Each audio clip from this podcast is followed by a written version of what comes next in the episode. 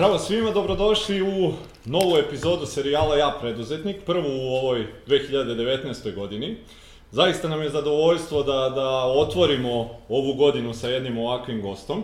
Želeo bih da vam e, predstavim gospodina Božu Jankovića, vlasnika enterijera Janković. E, Božo, hvala vam najprije na, na gostoprimstvu ovde kod vas u, u, u vašoj Pa i fabrika i kompanija, zaista imat ćete prilike malo da pogledate u toku razgovora i neke kadrove, fenomenalno izgleda. Ovaj, pa evo za početak e, da vam poželim dobrodošlicu kod nas u emisiju i za početak evo za one koji možda ne znaju, čisto da nam kažete šta je to što Enterijer Janković radi. Prvo, zahvaljujem se i drago mi je da možemo razgovarati ovako opušteno, otvoreno i da ovaj intervju u suštini bude nekom nauk i pouk da može da se napravi dobra kompanija koja nije privatizovala ni jednu kompaniju, koja nije od države dobila ništa, koja nije od oca dobila ništa jer nema, mm -hmm. a da može postati se e, kompanija potpuno svjetskog nivoa na najvišem nivou što se tiče ovakvog programa. Ono čime se mi bavimo je to je E, e, to je praktično naša, naš core biznis je e, izrada interijera i to radimo, nadam se, vrlo uspješno po cijelom svijetu. Opremamo hotele, privatne vile, rezidencije, ali bitan podatak u tome svemu da mi 99,9% radimo vani i da smo napravili kompaniju svjetskog profila koja je rame uz rame sa najboljim kompanijama, to ćemo kasnije u intervju vidjeti, sa najboljim kompanijama što se tiče Londona, Italije, Francuske, arapskih zemalja, Rusije i tako dalje. Za početak mogu vam dati samo neki mali osvrt, a to je da bi čovjek napravio ovakvog tipa kompaniju mora posjedovati više elemenata. Jedan od elemenata mora imati genetski čip da e, tu vještinu i umijeće koju mi zovemo generalno u, u, u opštem rečniku da ima sposobnosti da bude menadžer. Uh mhm. -huh. To je prva stvar. Znači, to je urođeni. Uh mhm. -huh. Druga stvar, morate da imate znanje. Ja uvijek kažem mojim saradnicima, a kažem i ljudima koji me slušaju, znanje je najveći kapital koji možete da posjedujete. Kažem opet iza, moja kompanija može da propadne, mada jako teško, ali teoretski uvijek je uh mhm. -huh. moguće, da propadne, ako posjedujem znanje, bez obzira na koliko imate godina, možete otići u Njemačku, u Ameriku, u London, pokucati na vrata i kazati, gospodo, meni treba posao. Uh mhm. -huh. Ja to mojim savjednicima govorim, jer ako imate znanje, nije bitno ni odakle dolazite, ni koje su prepreke.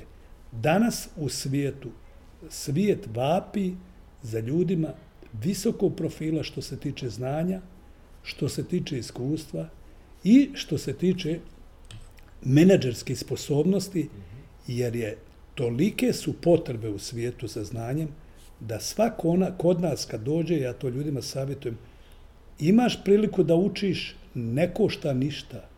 Nauči, nosiš kapital znanja, to je jedino što si dobio bez para, od tebe tražim samo da učiš, da se trudiš da učiš, Da li ćeš raditi u ovoj kompaniji ili u nekoj drugoj kompaniji, to je stvar neke budućnosti vremena, ali u suštini znanje najveći kapital.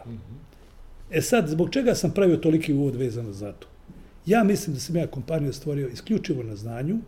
To nije stvar samo da li sam ja inženjer, što sam inženjer, gdje sam radio, nego je stvar toga da sam cijeli život učio, učio od boljeg, kopirao od boljeg i napravio danas, ja sam uvjeren, jednu od najboljih kompanija što se tiče realizacije projekata i projekata u ovoj oblasti koje mi danas posjedujemo. O tome govore naše reference, govore sve, ali ću se vratiti na neke izvore. Prvo, ajde neko ko sluša to može da sam zaključi i kaže, ma, ko zna, njemu je to donio tetka, mama, otac, da, politika i tako dalje. Jedno vrijeme su meni rekli, jedan klijent je rekao, da ti kažem, ljudi pričaju da se ti crveni, ja kažem, šta to znači? A kaže, ti si Milošević. Ja kažem, ja ne, nisam ni za ni protiv Miloševića, ja nisam ničiji, ali ja nisam ničiji. E, sada, ja sam u suštini uh, u izvoru, kao Božo Janković, dijete iz siromašne porodice, gdje otac željezničar, ne, nikad nije imao novca, petero djece, muka, ja sam sam studirao u Zagrebu, nosio sam, ja se često puta čak emotivno pričam u torbu, nisam na, natovario neku garderobu kad sam išao studirati u Zagrebu, nego krastavce, paradajze, slamne i to, i to sam neku suvu peku da imam šta jest. A ne da bi ja sada nosio tam neku garderobu i da kao student da ima, kao što su današnja vremena i tako dalje, da imam nešto za život.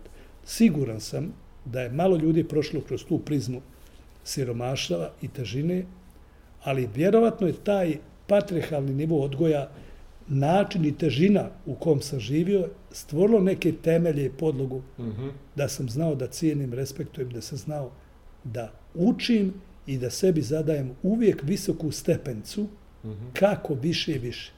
Tako da reći, pro, proći kroz neko svoje djetinstvo. Hoćete samo reći, e, e, vi ste u Zagrebu diplomirali koje godine? Ja sam e, u, u 79. godine diplomirao i još, još kao absolvent se radio kao profesor u školi. Mm -hmm. a, moj put je vrlo, vrlo, ovaj, da kažem, brz u samim uspjesima. Nekako imam osjećaj, ja sam radio posle u Kriva Izadovića, za godinu i pol dana ljudi su me prepoznali jer sam završio smjer za dizajn i proizvodnju namještaja, znači to mu je, ovo mi je čista struka što mm -hmm. ja mhm. radim.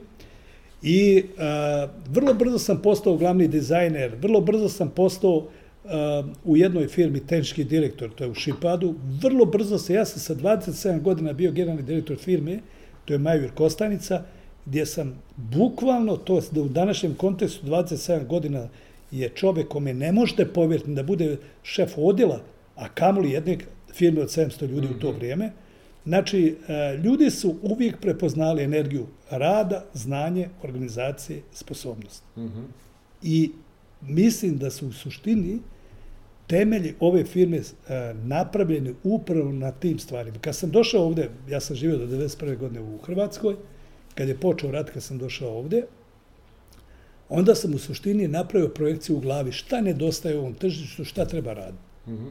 Ja sam nastavio sa interijerima jer sam shvatio da to nedostaje, barem nedostaje u kontekstu visokog nivoa, visoke kvalitete, a s druge strane i veliki broj klijenata tad se pojavio jer rat čini mm -hmm. profiterstvo, čini, čini veli, tu je velikog novca koji kruži po raznim izvorima I vi kad imate takvu klijentelu, uvijek ćete imati više klijentele nego što ima ko da napravi.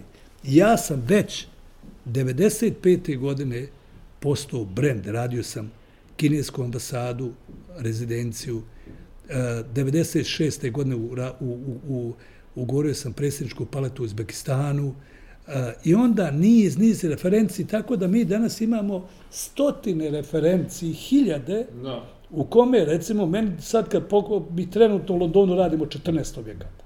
Mm -hmm. Znači, hotel Lanka, hotel Versbury, Jotele.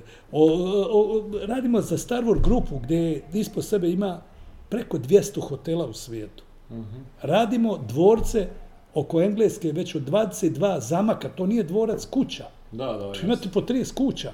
A, to su ovaj, dvorci koje je, a, koji su kompleksi koji su po hiljade kvadrata, koje stare 500, hiljadu godina. Mi radimo interijer ti od 22 dvorca do su završili 11. Mm -hmm.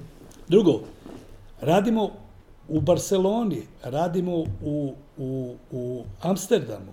Mm -hmm. Dogovorili smo hotel u Veneciji, u Italiji, hotel u Trstu, u Italiji. Radimo u Kataru za vrlo jaku grupaciju, hotel također 5 zvezdica. Radimo za krajevsku porodicu bilo u Kataru. U Rusiji referencije od predsjednika države pa nadalje mogu bi nabrajati pola sata. Da. I sad kad vi pogledate iz konteksta šta smo mi sve uradili za prethodni, recimo, 25-27 godina, prosto čovjek da ne povjeruje. Ali nije to sve išlo tako lako, niti je to prosto. Da. Ja sam malo prije spričao primjer, kaže, e, e, e, kad je moj arhitekta bio na prezentaciji u Londonu jedne kompanije i onda se oduševljali reference, prosto ne mogu da vjeruju da jedna fir, i, i, e, kompanija za istoka, pa uključujući sa zapada kompanije, da za tako kratko vrijeme radiš u Londonu, ima takve reference. Onda postavlja on pitanje mom arhitektu, pa dobro, recite mi, otkud vi za tako kratko vrijeme imate takve reference? Mm -hmm. A moj arhitekt odgovara, kaže, ovaj, znate kako, mi postojimo 30 godina. Mm -hmm. A on kaže, moja kompanija postoji 210 godina, pa nemam takve reference. Šta je suština? Prvo, to zavisi u svakom slučaju od prvog čoveka, jer vi kao prvi čovek morate da stvarate sistem. Mm -hmm. Razlika između moje firme i firme na zapadu je velika. Tamo postoji državni sistem, ovdje postoji rat. Ne mislim sad, da, nego 90. i kad se krenuo. Tamo postoji tradicija, ovdje nemate ništa. Mm -hmm. Tamo imate na tržištu kadrove, ovdje nemate kadrove, morate obučavati kadrove. U kontekstu tome, vi ste i menadžer, i profesor, i vrhunski menadžer za projekte, organizaciju projekte. Ne zaboravite, mi imamo 657 radnika. Od toga imamo skoro 70 arhitekata i oko 40 inženjera. Mm -hmm. I radimo istovremeno, recimo, po 20 projekata. Mi imamo 8 fabrika i zamislite da to sve izorganizujete, iskombinujete, sve iskontrolišete, sve, to je, to treba organizacija do savršenstva. Drugo, naši objekti su objekti visokog ranga. To nije pravite neku socijalnu školu. Da, da. Recimo, mi sad radimo u Londonu, penthouse koji je 1800 kvadrata, najluksuzniji penthouse koji je u Londonu prodan. Prodan je za 75 miliona funti. Mhm. Možda niste dobro čuli.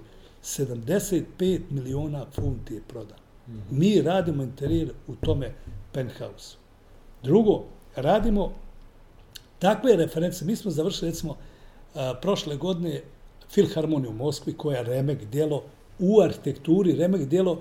E, e, ta Filharmonija ne samo remek djelo u arhitekturi, nego ako vam dam podatke, podatak da je u Hamburgu rađena pet godina, u Parizu je rađena sedam godina, u Tokiju je rađena četiri godine, u Njujorku je rađena Filharmonija uh, negdje oko šest godina. Mi smo od ugovora do predaje završili za godinu dana s tim da aktivno je rađeno praktično šest mjeseci, jer to izgubite vreme na crtežima i to sve, i da je to lično predsjednik Putin otvorio tu filharmoniju i proglašen za najbolja filharmonija na svijetu. Pa ste vi iz jednog Novog Sada, neke Srbije, nešto tako radite, te mm -hmm. projekte. To su prvo financijske vrlo, vrlo veliki projekti. Drugo, odgovornost je velika.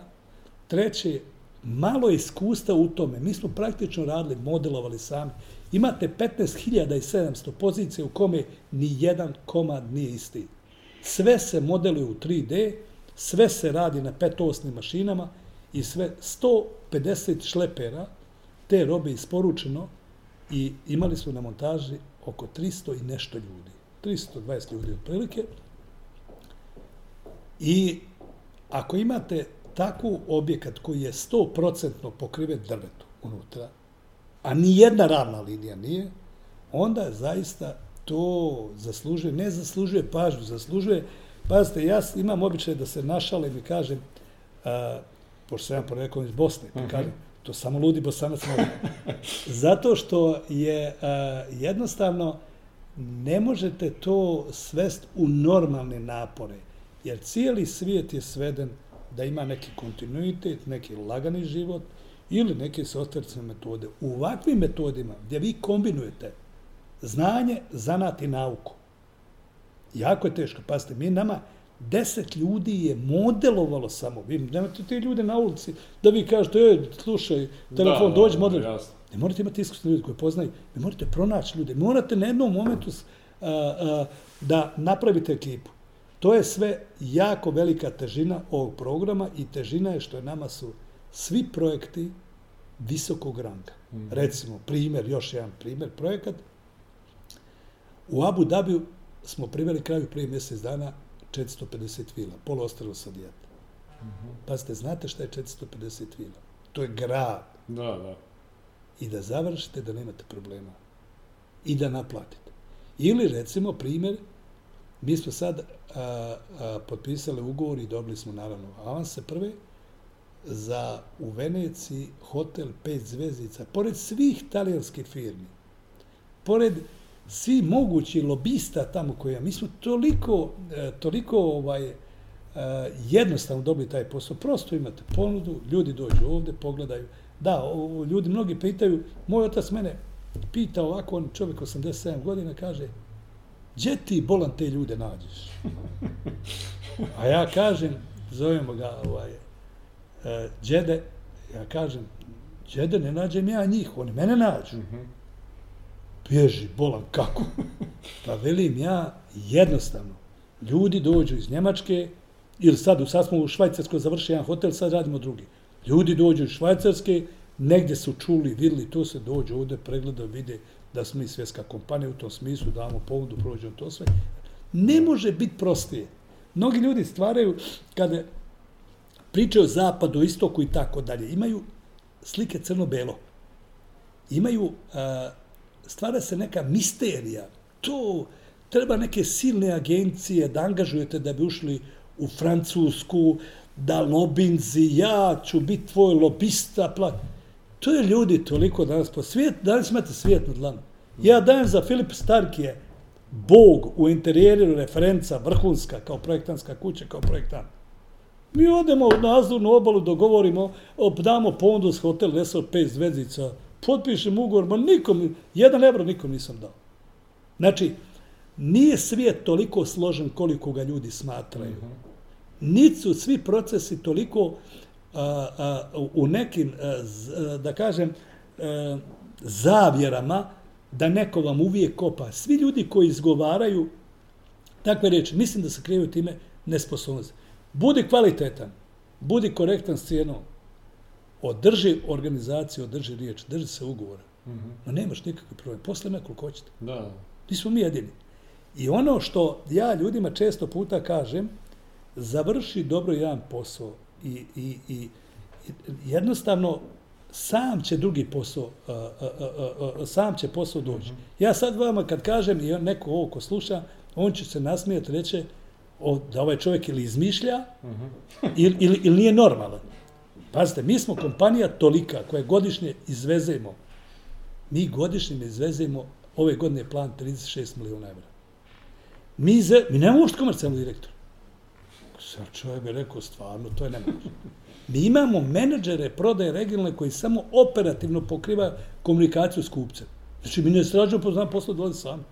Mi nemamo nikakav problem da ja pravim sada marketing neki, to se, nismo do duše seljačka konzervativna firma.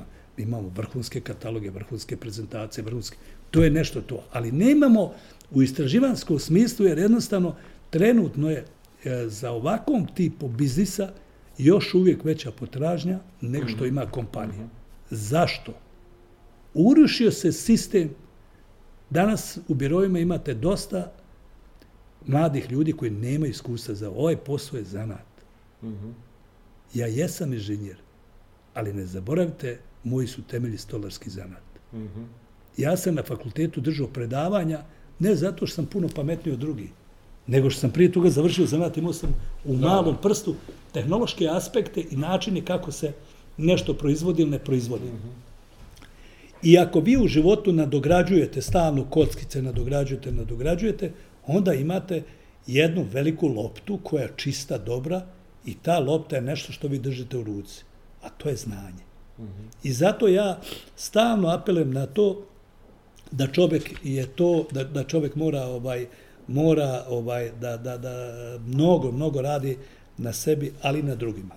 Izvinjavam se, Bože, što prekidam, htio bih samo, pošto smo sad ovaj, čuli e, neke zaista fascinantne i reference i stvari ovaj, koje radite u ovom trenutku, htio bih da se vratimo u 91. je li tako? Da. Obzirom sada neko kad dođe i kad pogleda ovde, e, koliko sam razumeo, vi imate oko 35.000 kvadrata proizvodnih pogona, da, kancelarija i svega. Svo, svo Tako je. E, htio bih da čujem kako je izgledalo to 91. Da ljudi steknu sliku odakle ste vi krenuli. Dakle, vi ste iz Bosne zbog rata došli ovde u Novi Sad i šta se dešava u tom trenutku? To pitanje kad mi ljudi postavi, e, mi djeluje uvijek, ako primijete po meni, e, onako kao da me jezava, to je emotivno pitanje. Mm -hmm. Nije sam, samo to zato što je bio rat što sam mogao doći kao izbjeglica ova manje bitno je svi se negdje kreću. Nije to ja mogu, ja se šalim, ja mogu svaki drugi dan živjeti u različitom gradu. Nisam ja taj koji sam emotivno vezan za grad iz kog gdje sam rođen i sad ili mjesto u Hrvatskoj gdje sam živio, pa sad prijatelji. To je jednostavno današnji trend, tendencije o tom potom. Međutim, gdje je suština mog emotivnog, emotivne osjetljivosti? Ja kad sam došao u Novi Sad, prvo je u Srbiji nikog nema. Znači, došao sam zato što sam bježao pred ratom. Drugo, kako se snaći u jednoj državi u tim turbulencijama, a da vas i ne pokupe, ne vrate vas u krajinu ili bilo gde, da ratujete. Ajde to, o tom, tu smo pravi svi neku gimnastiku, da budemo otvoreni. Međutim, najveći je problem kako započeti biznis. Jer ja sam u Hrvatskoj imao malu firmicu, radionicu u garaži i trebate nastav neki kontinuitet, a ne možete, nemate tržište, nemate, znate kako, ima u biznisu, kada sad, ja sad kad prestanu raditi, meni bi 10 godina ljudi slali upite za ponude. Da, da. Postoje korijeni. Mm. Ali kad vi trebate napraviti korijene, čekajte, nemate sjeme, nemate to. Mm -hmm. Ja sam ovdje u Novom Sadu iznajmio, vjerovali ne, radionicu od jednog čovjeka koji je odšao u penziju, gdje su pravljene mašine u 23 kvadrata. Dobro ste čuli, 23 kvadrata. Gdje sam daske vezao na, pod, pod krovom, a unutra obrađivo i to bile pravljene mašine što je staro, katastrofa. Ja sam radio za mašinom, moja žena koja je diplomirani pravnik, a, je radila za mašinom i to, recimo da su to italijani, to toliko patetično zvuči, on bi nauku u katalogima napravili, on to vole malo da to mm -hmm. marketički da to dotjeraju. I tu sam, tu sam počeo proizvoditi i tad sam smislio šta treba proizvoditi, kome treba prodati. I iz te radionice od 23 kvadrata, mm -hmm. 91. godine, došao sam, uh, došao sam, je, pazite, nije samo što je 23, nego propisuje krov, to prosto vi ste, to se ne može zvati firma. Došao sam danas na ovaj nivo gdje sam stvarno prezadovoljan i da ovo što ste vi rekli, tačno je to da mi imamo uh, 35.000 kvadrata proizvodnog prostora, vrhunski opremljeno, tehnološki mm vrh. Drugo, mi imamo šest firme u inostranstvu, to nisu fantomske firme, nego ozbiljne firme mm. koje rade. Naša firma u Londonu godišnje radi, recimo, negdje između 12 i 15 miliona funti. Mm -hmm. To nikakvo ne, to je sve roba koje mi napravimo, izvezujemo, Jasne, to sve. Onda imamo firmu u Moskvi, vrlo ozbiljnu firmu, firmu u Kazastanu, firmu u Crnoj Gori, firmu u Ljubljani, firmu. Imamo jako puno, imamo kancelarije po svijetu, recimo u Kataru, imamo ozbiljnu kancelariju u Njemačkoj koja zastupa interese naše kompanije i stvori to sve za ovaj period i da ostanete normalni, vrlo je teško. Teo bih da prođemo baš eto, kroz taj period.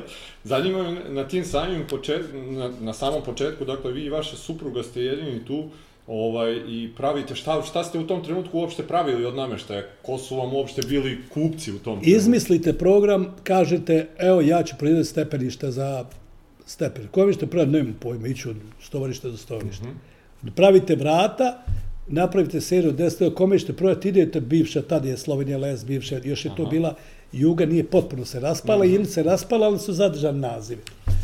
I to su sve, kad sam prvu fakturu napravio tom čoveku koji mi je dao i svoj račun da radim u njegovoj radionici, kad sam prvu fakturu napravio, pošto to je bila mala, nikakva firma, to je bila radionica koja je godišnje pravila na današnjem nivou možda 5000 evra, čovjek je nosao fakturu i pitao i ženu i snaju i sve, koliko je to para. Ni mogu da vjeruje da sam ja fakturicu u to vrijeme, prva faktura 20.000 maraka. To je za njega bila mjesta, on to nije napravio za, od kako postoje radionci, jako bio privatno. Uh mhm. -huh. A, tako da je to onako jedna, naravno, posle sam se u Novom Sadu stalno razvio, sedam puta sam se selio. Uh mhm. -huh. Sedam puta sam fabriku selio kompletno. Danas na ovoj lokaciji imam šest fabrika, mi radimo i vrata, i interijere, i metal, i fasade, i čelik, i sve to. Radimo kamen, radimo tapetariju, radimo gotove objekte. To je sve na ovoj lokaciji. Drugoj lokaciji imamo fabriku od 6000 kvadrata koja radi samo vile. Treća lokacija imamo fabriku koja kod pored Beograda u Pazovi koja radi samo za englesku.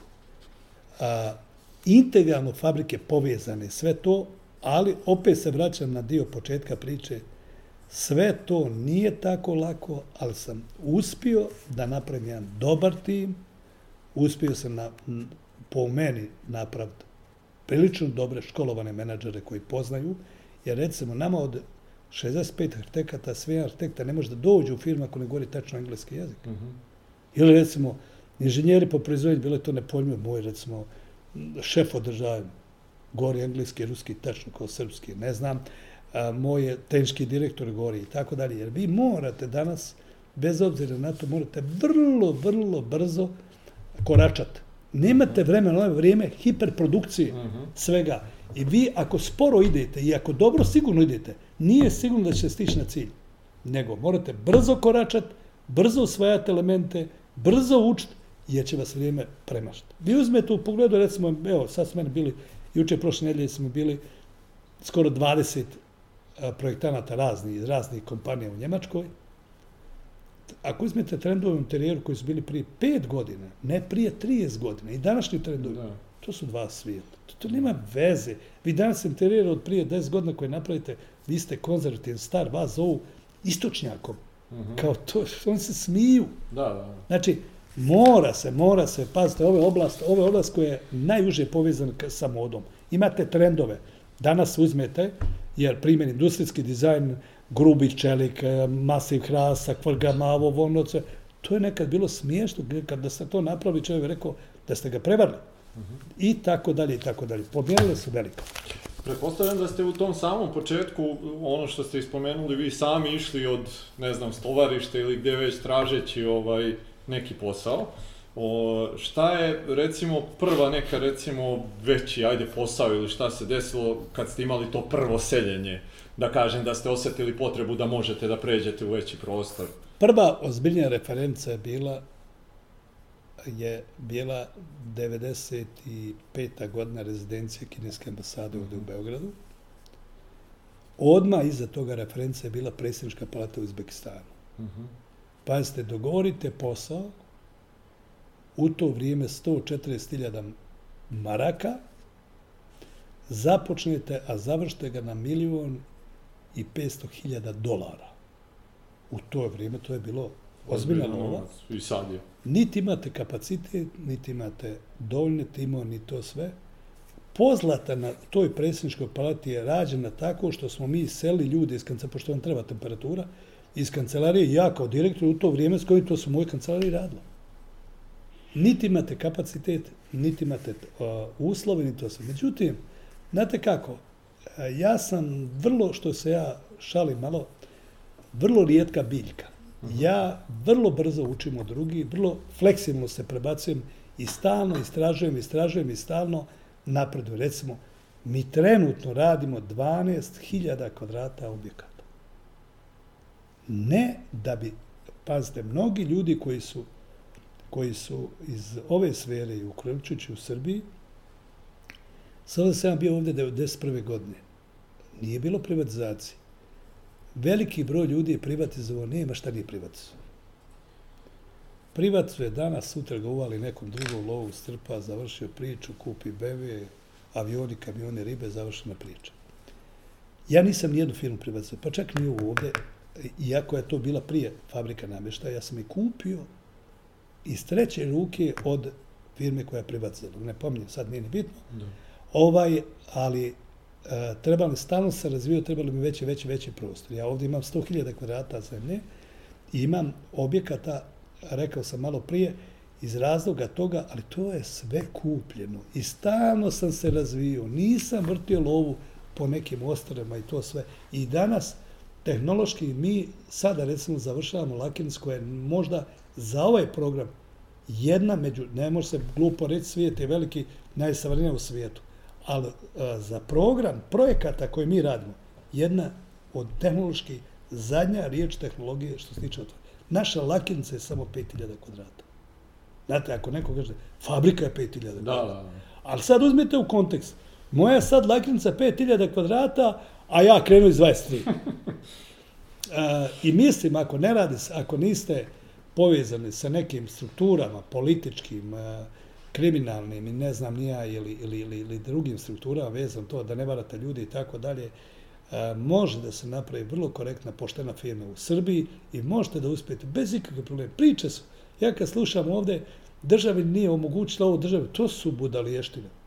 Pa prvo sredi u svojoj kući. Šta će to da... Treba država da prodaje robu. Treba država da projektuje interijer.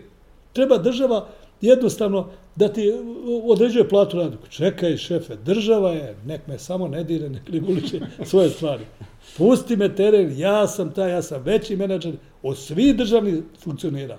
Pa ja bolje znam posao od njih. Jasno. Zanima me, vi ste e, radili u, u Majevici, rekli ste kao Ne, tehnički sam, direktor. radio sam, radio sam, Majevici, prvo sam radio u Kriva i Zavića kao glavni dizajner. Dobro. Tu sam naučio zanat i to najbolje. Aha. Tu sam i završio i zanat, ali tu sam radio i kao inženjer i kao profesor. Mhm. Posle sam radio u Šipad Majevici, uh, uh, Orašu na Savi. Tu sam radio kao tehnički direktor. Radio sam prvo kao inženjer, pa onda kao tehnički direktor i otišao sam u, u Majur Kostanica, to je kod Siska. E, to sam htio samo da se nadovežem, pretpostavljam da vam je to iskustvo na neki način što se menadžmenta samog tiče, da ste tu imali neku osnovu koju ste možda kasnije mogli da primenite u vašoj firmi, pošto u jednom trenutku ste morali da krenete da zapošljavate ljude. Pitanje, i... pitanje je dobro, ali ću vam reći jednu stvar, Reci. koji ću se iznenaditi. Svi menadžeri koji su, ili uzmimo prije, to bilo popularno kazati rukovodeci ili direktori Mhm. i tako dalje, koji su istog doba imaju samo jednu dobru stvar, a sve ostale loše. Mhm. A tu koja je loša, ja sam nju prekomponovao. Jedina dobra stvar je što ste naučili, radili ste u sistemu, naučili ste, e, imate, e, što bi rekli naši ljudi, poštovanje sistema i ljudi. Mhm. Znači, možemo mi pričati protiv komunizma i ovako i onako, ali to je bio ipak jedan stabilan sistem i ljudi su bili ipak patrijarhalnije imali pristup ne samo poslu sveče, i bilo je poštenje, ljudima je imponovalo da on ostvario neki rezultat, da ga neko kaže da on dobar. To je njemu bilo bolje od plate. Ovo su nova vremena. Mhm. Ako robujete tom sistemu, ja sam direktor kad smo mi ratovali po Igmanu, ta se vremena prošla. Mhm. Znate, znam ja Peru, Pero je, kak je on bio juče, slaž, vidi sad vozi BMW. To je realan svijet. Morate, u tom se ja uveliko razlikujem od svoje generacije. Od moje generacije, ljudi koji su tamo gdje sam ja živio i radio, i danas, oni nemaju šta da jedu. Ne u bukvalnom smislu. Da, da, jasno. Ne može, i samo pričamo kako je kriv ovaj, kako je kriv rat, kako je... Šefe, ovo je novo vrijeme, šalta iz prve u treću. Inače, udađete neko s leđa u auto. Šaltaj u petu, vozi, gdje ćeš stići? Moraš znati gdje ćeš stići. Pa i ako sletiš, ovdje ćeš već biti uništen prije nego što sletiš. Znači, zavisi šta je to. Mora, malo prije sam u prvom dijelu pričao, mora čovjek da se prilagodi današnje vremenu. Danas se vozi u petoj brzini.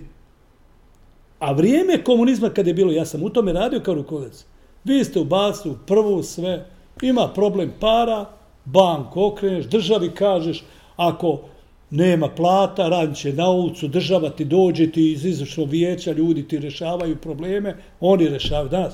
Ko mene pita kako će isplatiti platu? Moj platni fond je za ovaj broj ljudi je preko 700.000 evra mjesečno.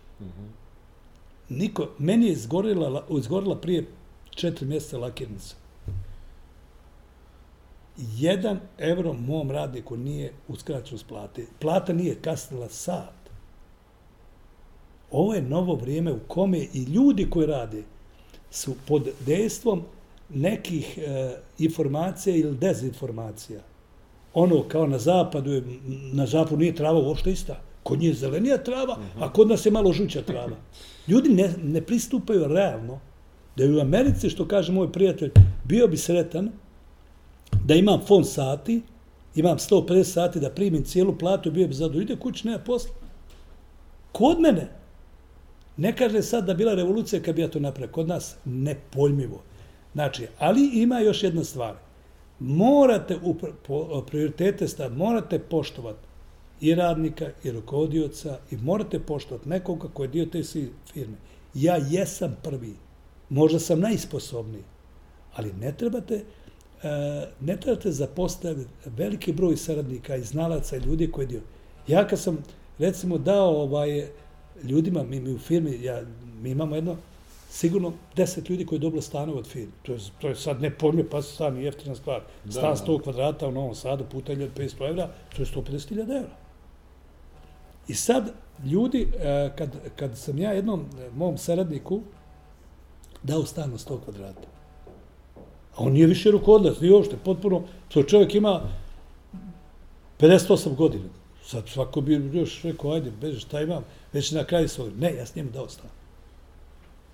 Kad me pitao on zašto, ja kažem, ako ti kao arhitekta radiš ovde 20 godina, naravno imaš visoku platu i danas za srpske uslove ima previsoku platu. Ali ako nisi zaslužio od kompanije gdje si, pa dovoljno da si slušao mene 20 godina i moj, moju nervozu. Pa na, na ništa nisi radio, samo da sjedio pored mene i slušao moje histerije, zaslužio stan. Znači, e, zašto vam to pričam? Mnogi ljudi ne svataju.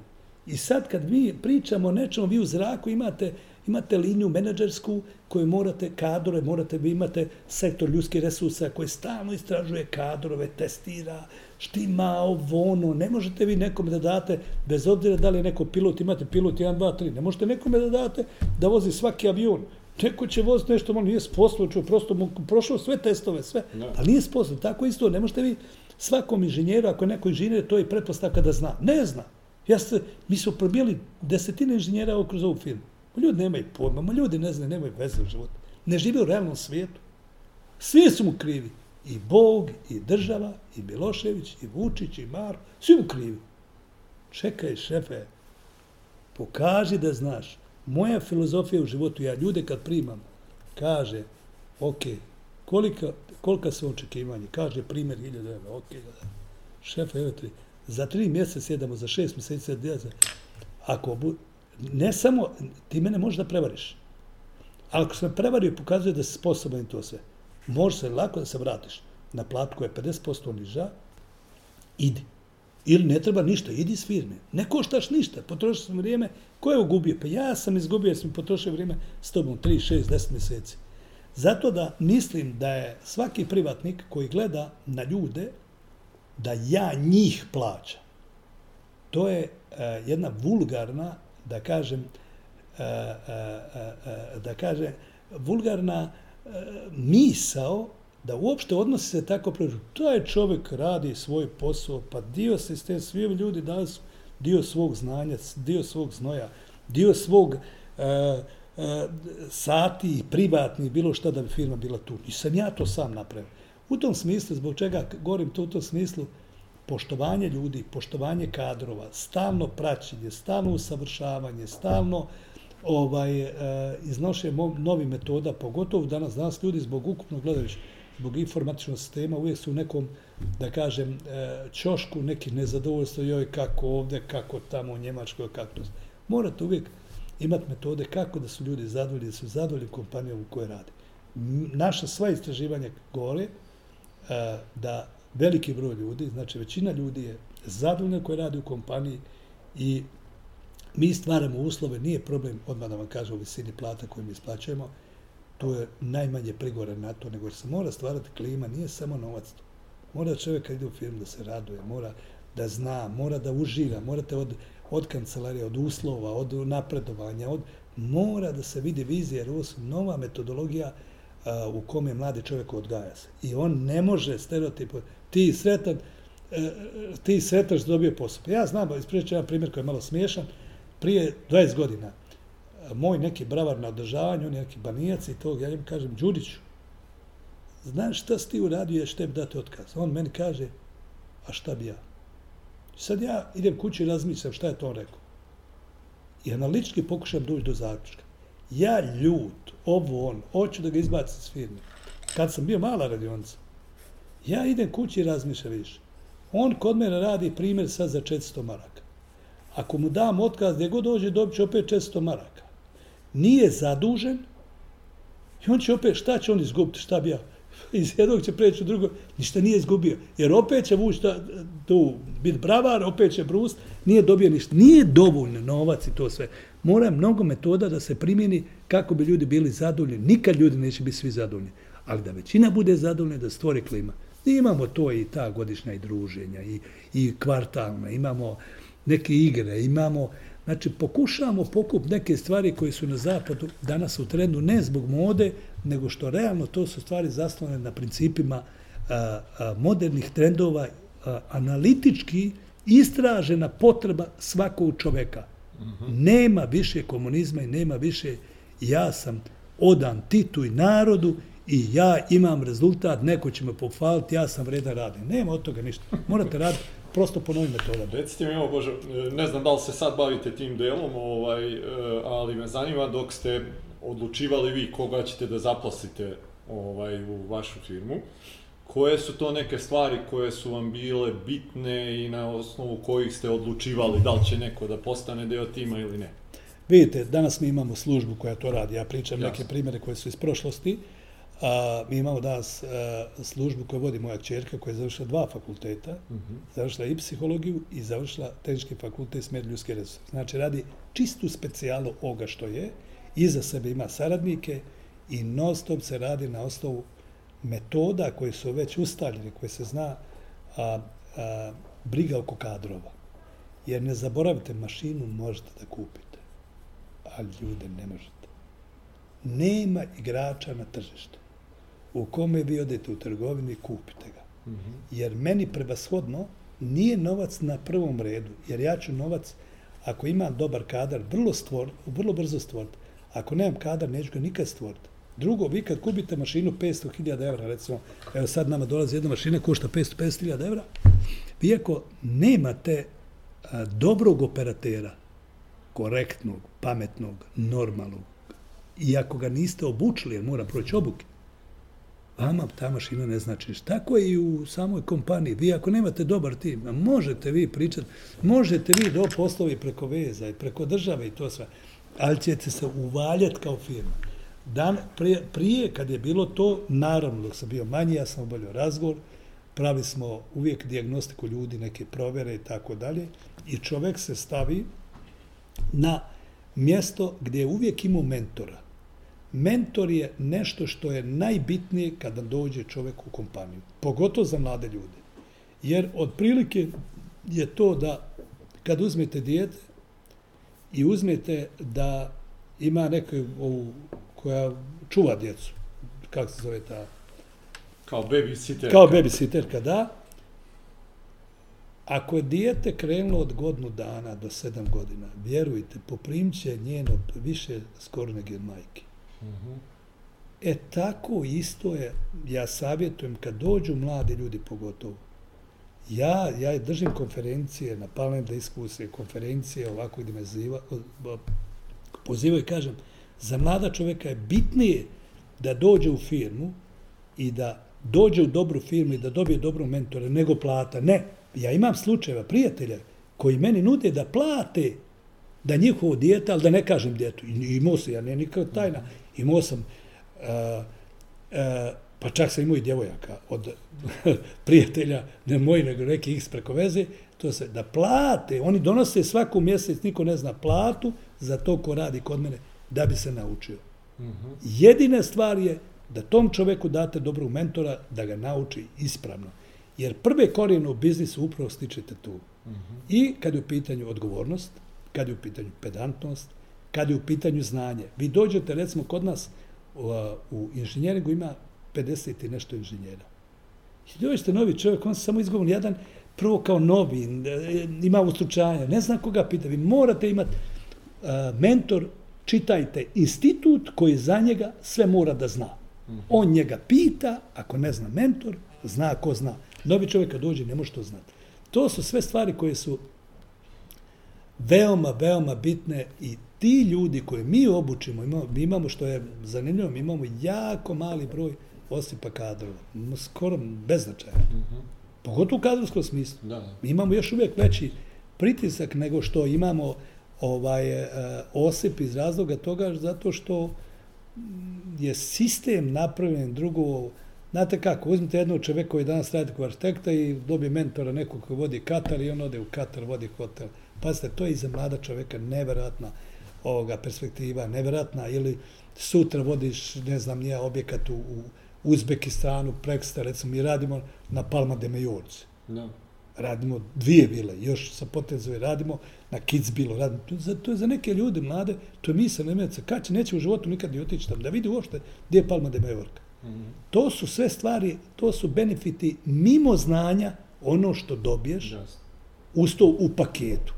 A mi kao firma smo dužni da ga dovedemo na taj nivo da eksploatišemo njegovo znanje, jer u krajnjoj liniji možda izraz eksploatisanje grubo, ali to je realno, znači da izvučete od njega maksimum, jer ste ga uložili u njega maksimum. Jasno. Znači, to je, to je prosto tako. Zanima me, sad kad se baš spomenuli mentor i to, e, tokom vašeg e, razvoja privatnog posla, jeste li vi imali negde nekoga, ajde, da nazovemo da je slično tome, da je mentor ili bar sa kime možete da se konsultujete? Imate dvije stvari. stvari. Prvo, ja kad sam završio fakultet, kad sam došao u Krivaj Zaveća, dobio sam mentora, ja sam bio inženjer, a mentor je bio tehničar. Ja nisam imao kompleks, otoče neki ljubo, ljubo, Lukić ljubo, valjda, tako činim se.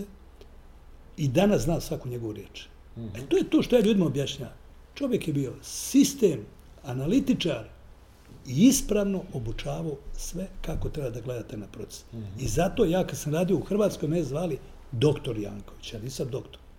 Jer i danas mislim da sam vrhunski poznalac drveta i drvne tehnologije. Mm -hmm. Da sam je doktorirao u glavi.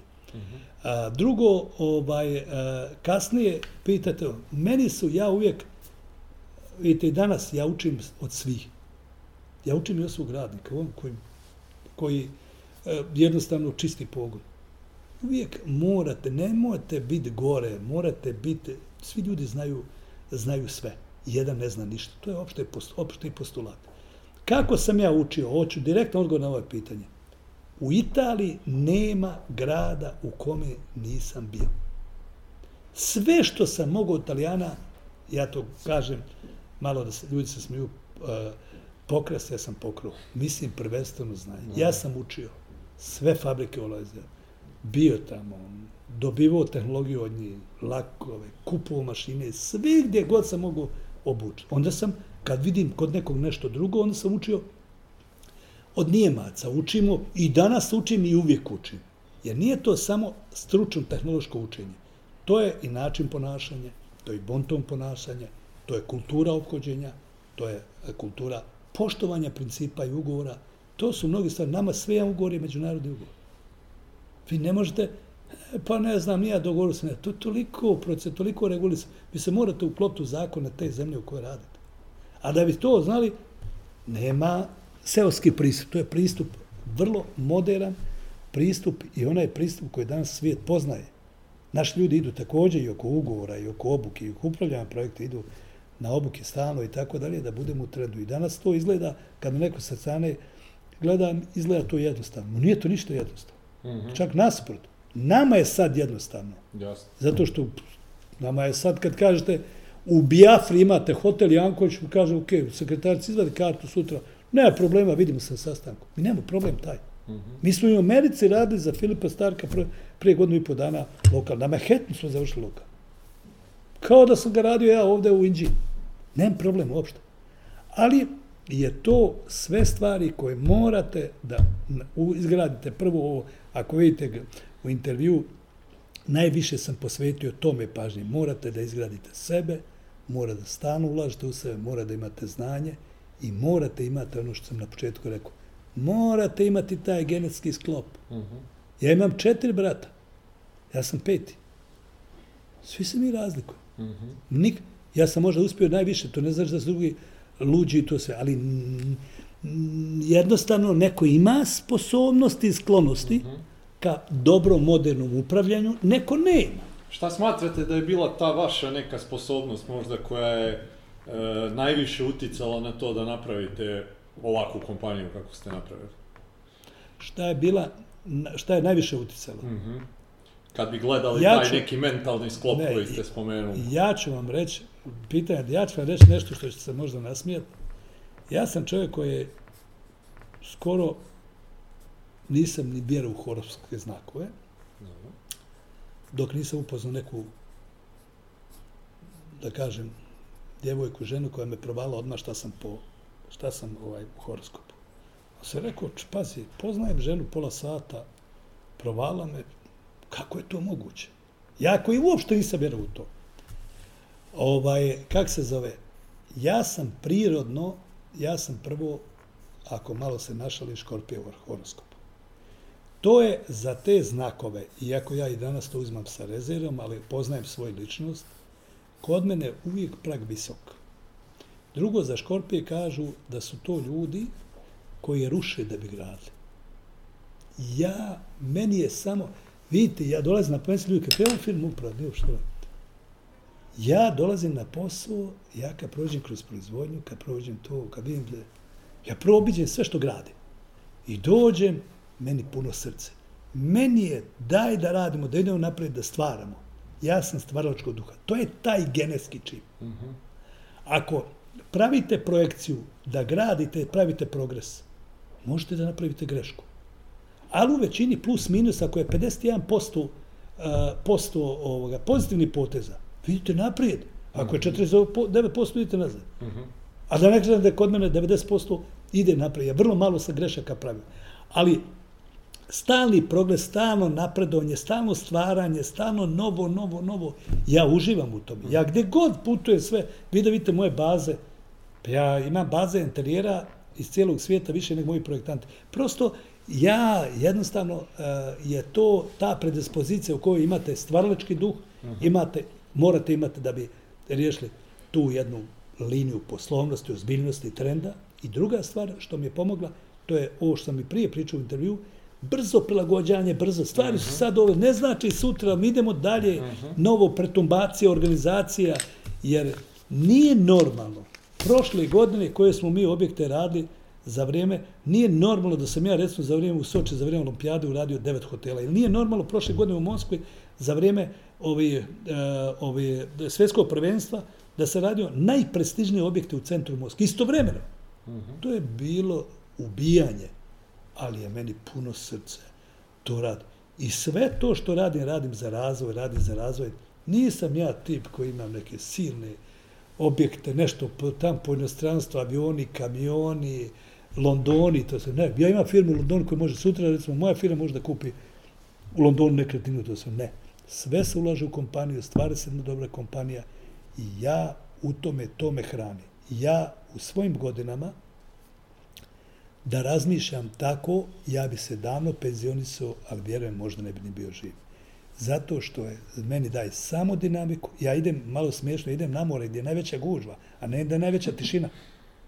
Ja idem na skijanje gdje, recimo, Kortinu sad idem ili, ili, ovaj, e, ili recimo u druga mjesta gdje da ne pomnju, ovaj, jednostavno idem gdje ima najviše narod, gdje živu, gdje to, mm -hmm. ja, to je, E, to je taj prirod, znate, mm -hmm. to mhm. morate imati prirodu takvu.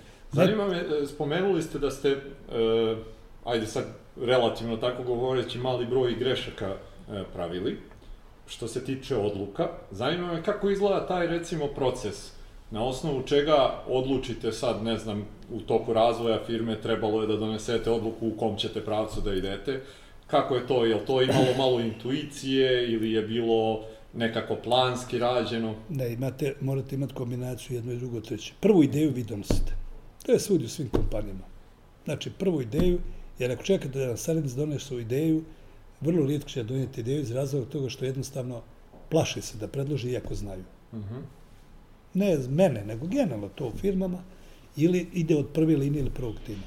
Znači, kad donesete neku ideju, onda mi napravimo analizu, neku projekciju, neki program, vidimo šta je, onda to ostavimo strane i to se meni u glavi slaže danima. I ja često puta se s tim budim, uh mhm. -huh. danima i to se, ako je to, onda radimo laboratore, projekte i tako dalje, onda to ide svojim nekom naučnom metodom koja mora da ide. Ali u suštini, morate voditi računa, prvi čovjek ima velika ovlaštenja, bez obzira da nije moja firma. Ali ako ima malu pamet, vrlo brzo će uništiti firmu. Uh mhm. -huh. Što kaže meni u armiji, neki Grujica Milić, komadan Puka, ne gledaj me šta imamo ovde, nego ovde. To je problem menadžera. I meni nije problem da ja dam kompaniju bilo kom menadžeru. Ja nemam problem s time. Ali ovlaštenja tih ljudi su toliko visoka da može povaliti kompaniju za šest mjeseci. Ma koliko bila stabilna. Ne mora ukrast ništa. Ni jedan evro ne treba da odnese. Svojim odluka, jer su ove odluke u kojoj vi morate imati jednu stabilnost i mentalnu, intelektualnu i organizacijonu stabilnost za donošenje ključnih odluka. Jer naše, jer, pazite, ja uđem u projekat 12.000 kvadrata objekat IT centar, pa ne znam, nija lakirnicu, pa drugi pogon. Pazite, prvo, to su financijski veoma veliki projekti. Ako idete zato da bi komšija pričao da ja imam to, a, to je neinteligentno. Nego, morate izvagati potrebe, šta dobivate, šta gubite, gde ste. Morate imati viziju da vidite kompaniju gdje će biti za godinu dana. Vjerujte, ja znam kompaniju gdje će biti za pet godina, za deset godina. Ja nema vremena i to ću da pričam ovdje svjesno ovaj, o razvojnim projektima koje mi imamo ovdje. Vi ne možete zamisliti. Gde mi kako razmišljamo.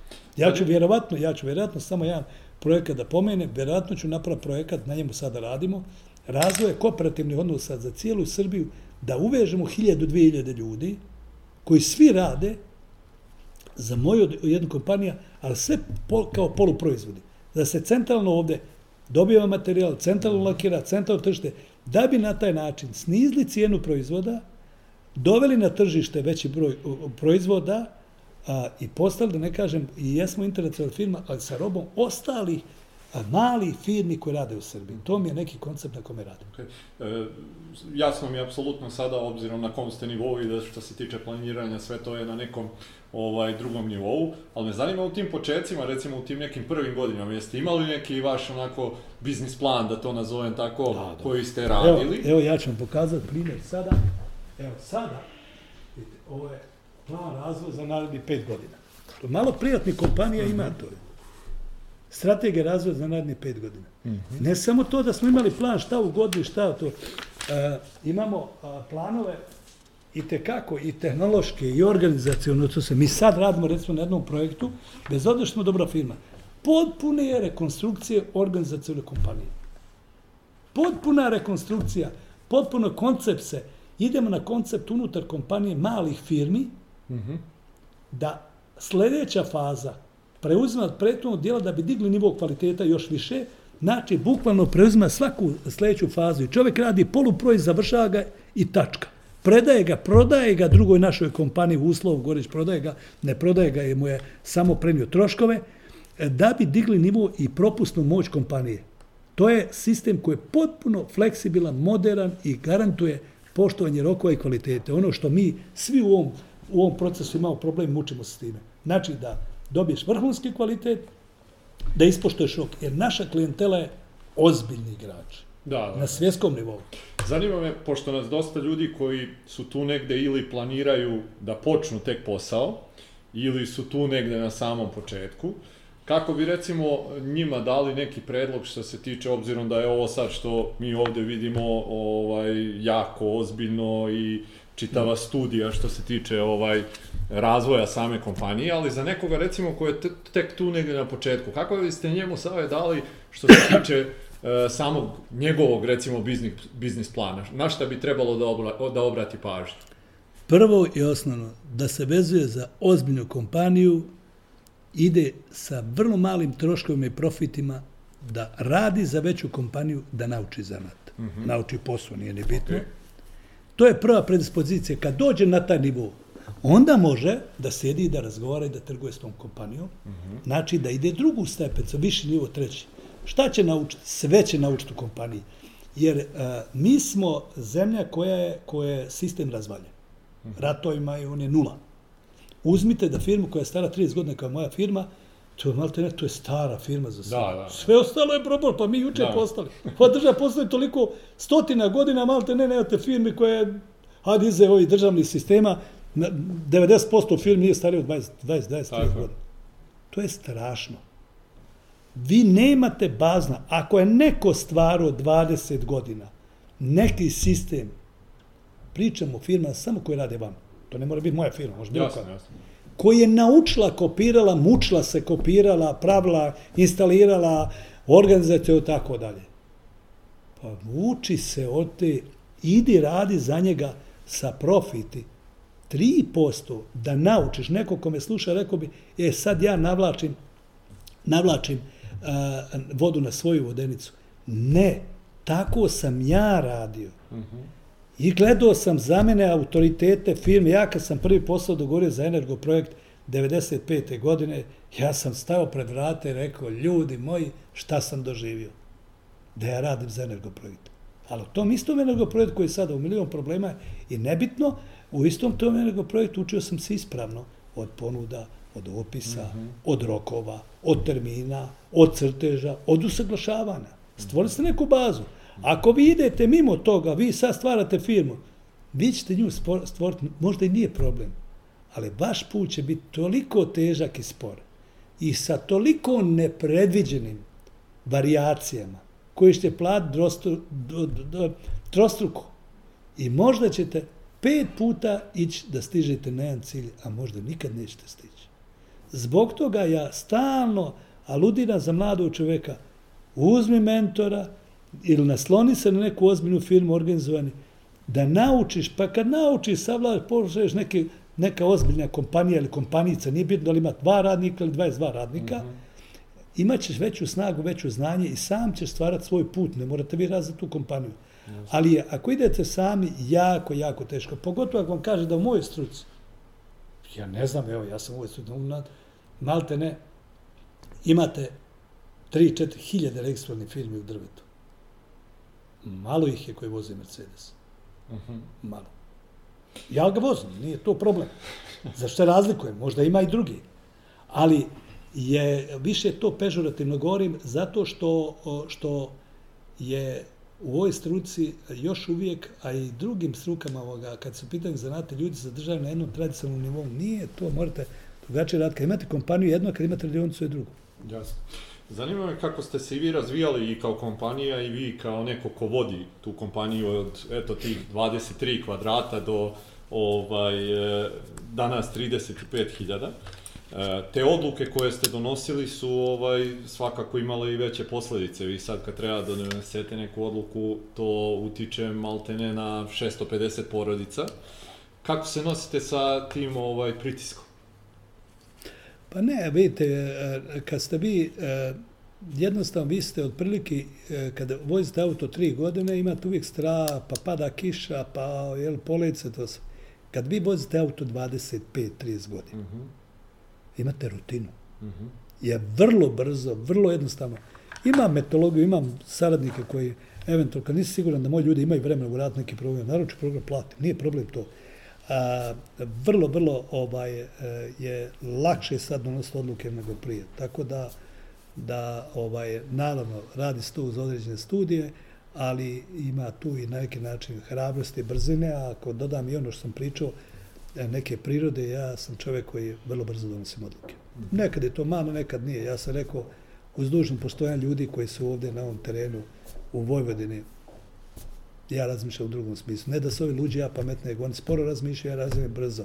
Moje odluke da su produktivne, nisu produktivne, pokazuje proces za mene. Ja sam u brzim odlukama došao brzo do vrha. Kažu, može biti to i loše, može da padneš. Da, ali morate voditi računa da nekad možete da izgubite, ako čekate i taktizirate, možete da izgubite kapitalne stvari u životu. Taj nivo između brzine i, i, i, i, i i, sporog načina kretanja. Granica je mala do provalije. Iako sporo razmislite, možete otići provaliju, -hmm. ali ako brzo možete otići. E sad, stvar je instinkta i sposobnost. Ja mislim da sam ja vrlo iskusan, vrlo vješt i pokazao ovo što ja imam, što sam napravio u životu, pokazalo se da ipak... Dva pitanja imam za kraj. Prvo je, obzirom spomenuo sam malo pre da nas gledaju ljudi koji su eto tu ili negde da pokrenu posao ili su tek krenuli. Već ste spomenuli taj deo znanja koji bi mogli da kradu na neki način od velikih kompanija. Šta je recimo možda još neki savjet koji biste im dali?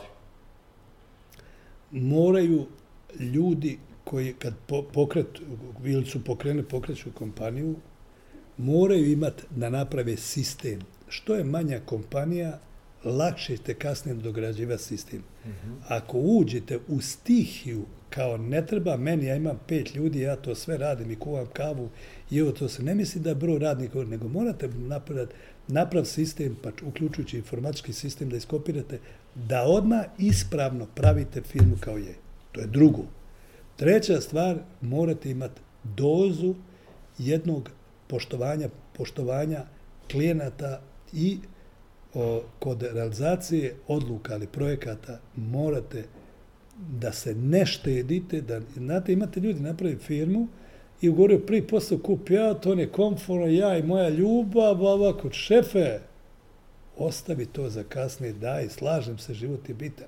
Mm -hmm. Ali nisi još sazrio da živiš kako valja. Mm -hmm. Znači, a, u tome smislu mora čovjek dati mnogo požrtvonost, mnogo, mnogo rad i mora da ima, iako je mala firma, jedno ili dvoje ljudi sposobni oko sebe da mu pomaže. Mm -hmm. Filozofija da ja znam sve. Evo, ja vam cijelo vrijeme pričam o svojoj sposobnosti, ja ne smatram da znam sve. Ja često puta za bitne odluke sazovem a, saradnike i traže mišlje. Što ti misliš o tome? Pa onda oni priče o ono. Onda ja kažu u roku 7 dana, napišite svoje mišljenje i prijedloge. Pa onda kad dobijem prije sistematizom, kažem, ok, nije ta predlog smo jako loše, napravite nešto, dajte nešto još bolje. To Iako ja znam koju odluku ja donesim, htio sam na neki način da učem u priču ljude mm -hmm. i da probinim koliko oni znaju. I treća stvar, ako vi gurate jednu ideju, bez obzira koliko bila pametna, a imate deset direktora koji jednostavno ne smatraju da je to, on će to poslušati, to je iracionalno odluka u njihovoj glavi, jer to je odluka protiv njihove glavi. To je taj i politički ton koji morate imati, niste političar, ali morate imati ton, to je taj princip usaglašavanja. Da. Pitanje za kraj. Da imate priliku da se vratite u 91. da budete jednim savetom mentor Boži iz te 91. godine. Šta biste mu rekli? Znate kako je. Sad znam s ovog stanovišta šta mentor treba da da, a tad da znam. A tada nisam znao i vjerojatno bi u to vrijeme uh, uh, u to vrijeme možda samog mentora ne bi prihvatili kao mentora, jer sve stvari u životu moraju da zri. I to je vaše pitanje dobro i za mlade ljude. Ja u to vrijeme, vjerojatno kao što sad neko reaguje, šta će on pričati, znam deset put bolje od njega. Ne, treba da ga slušate, ali ne morate da izvršite. Poslušajte ga. Znate, i veoma je, bi, veoma je bitno, pogotovo kod ključ, ključnih odluka, čut više mišljenja. A sjecite po svom. Jer, prosto, neko će vam reći crno, neko će vam reći bijelo, dovešće vas u zabludu, vi ste zbunjeni i ne znate kuće. To je isto kad vas vodi, ostave na sred puta, ovaj ode vam i vi ne znate put dalje. Znači, sjecite po svom, ali saslušajte, svaki čovjek ima, a, ima nešto pametno da kaže. Svaki, vjerujte, može imati osnovnu školu.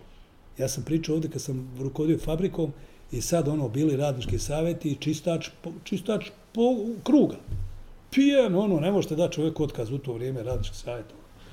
I ja kažem njemu, mogu li ja, direktore, da ja nešto kažem, Nešto, bižo, prvo ja kažem njemu da, da ima, ovaj, da je normalno, ti bi trebao biti dan van ulici, više si ti pijan. Nemoj, co meni zabranjuš, ja hoću da kažem. Bižo, ne možeš da kažeš. Ja kažem njemu, vidiš kakav ti je krug prljav. Vidiš na što liči krug. A ti hoćeš, ne, nemaš pravo da pričaš. Ja sam uvijek bio dosta oštar u rukovodđenju i danas sam. I kaže on meni, ja to zapamt nikad ne zaboravite. Direktor, za mi nešto da govorimo. I ja ću sam prljat, a vi 700 čiste, pa će vi to će biti čišće. I upravo je čovjek pijan, nema ni osnovu školu, koliko je pametno rekao, to je živa istina. To je odgovor na pitanje, mora čovjek da uvaži timsko, ako ništa drugo, čak i ako nije neko pametno rekao, barem ste ga zadužili u realizaciji projekta. Ako mu naredite, do, uvijek će on naći razlog zbog čega nešto nije dobro. Tako da, eto, to je apropo savjetnika. Bože, hvala vam puno na, hvala. na odvojenom vremenu. Želim vam puno uspeha u godinama koje dolaze. Hvala i vama što ste još jednom bili sa, sa nama i vidimo se sljedeće nedelje. Prijatno. Hvala. Hvala.